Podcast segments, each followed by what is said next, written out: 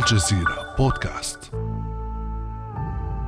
منذ فجر البشرية حفر الإنسان بصماته على جدار الزمن محاولا أن يروي التاريخ قصته الأعظم والأقدم.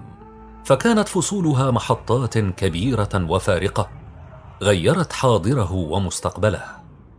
كان بعضها مليئا بالعظمة والمجد مثل بيت الحكمة الذي أسسه المسلمون في بلاد الرافدين ليصبح منارة للعلم وبعضها الآخر مليئا بالنضال والبطولة.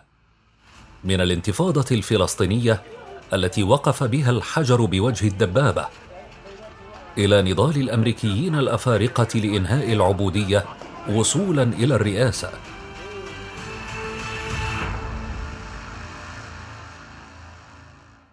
لحظات تاريخية تفاوتت في مضمونها لكنها اتفقت بتغيير مسار البشرية.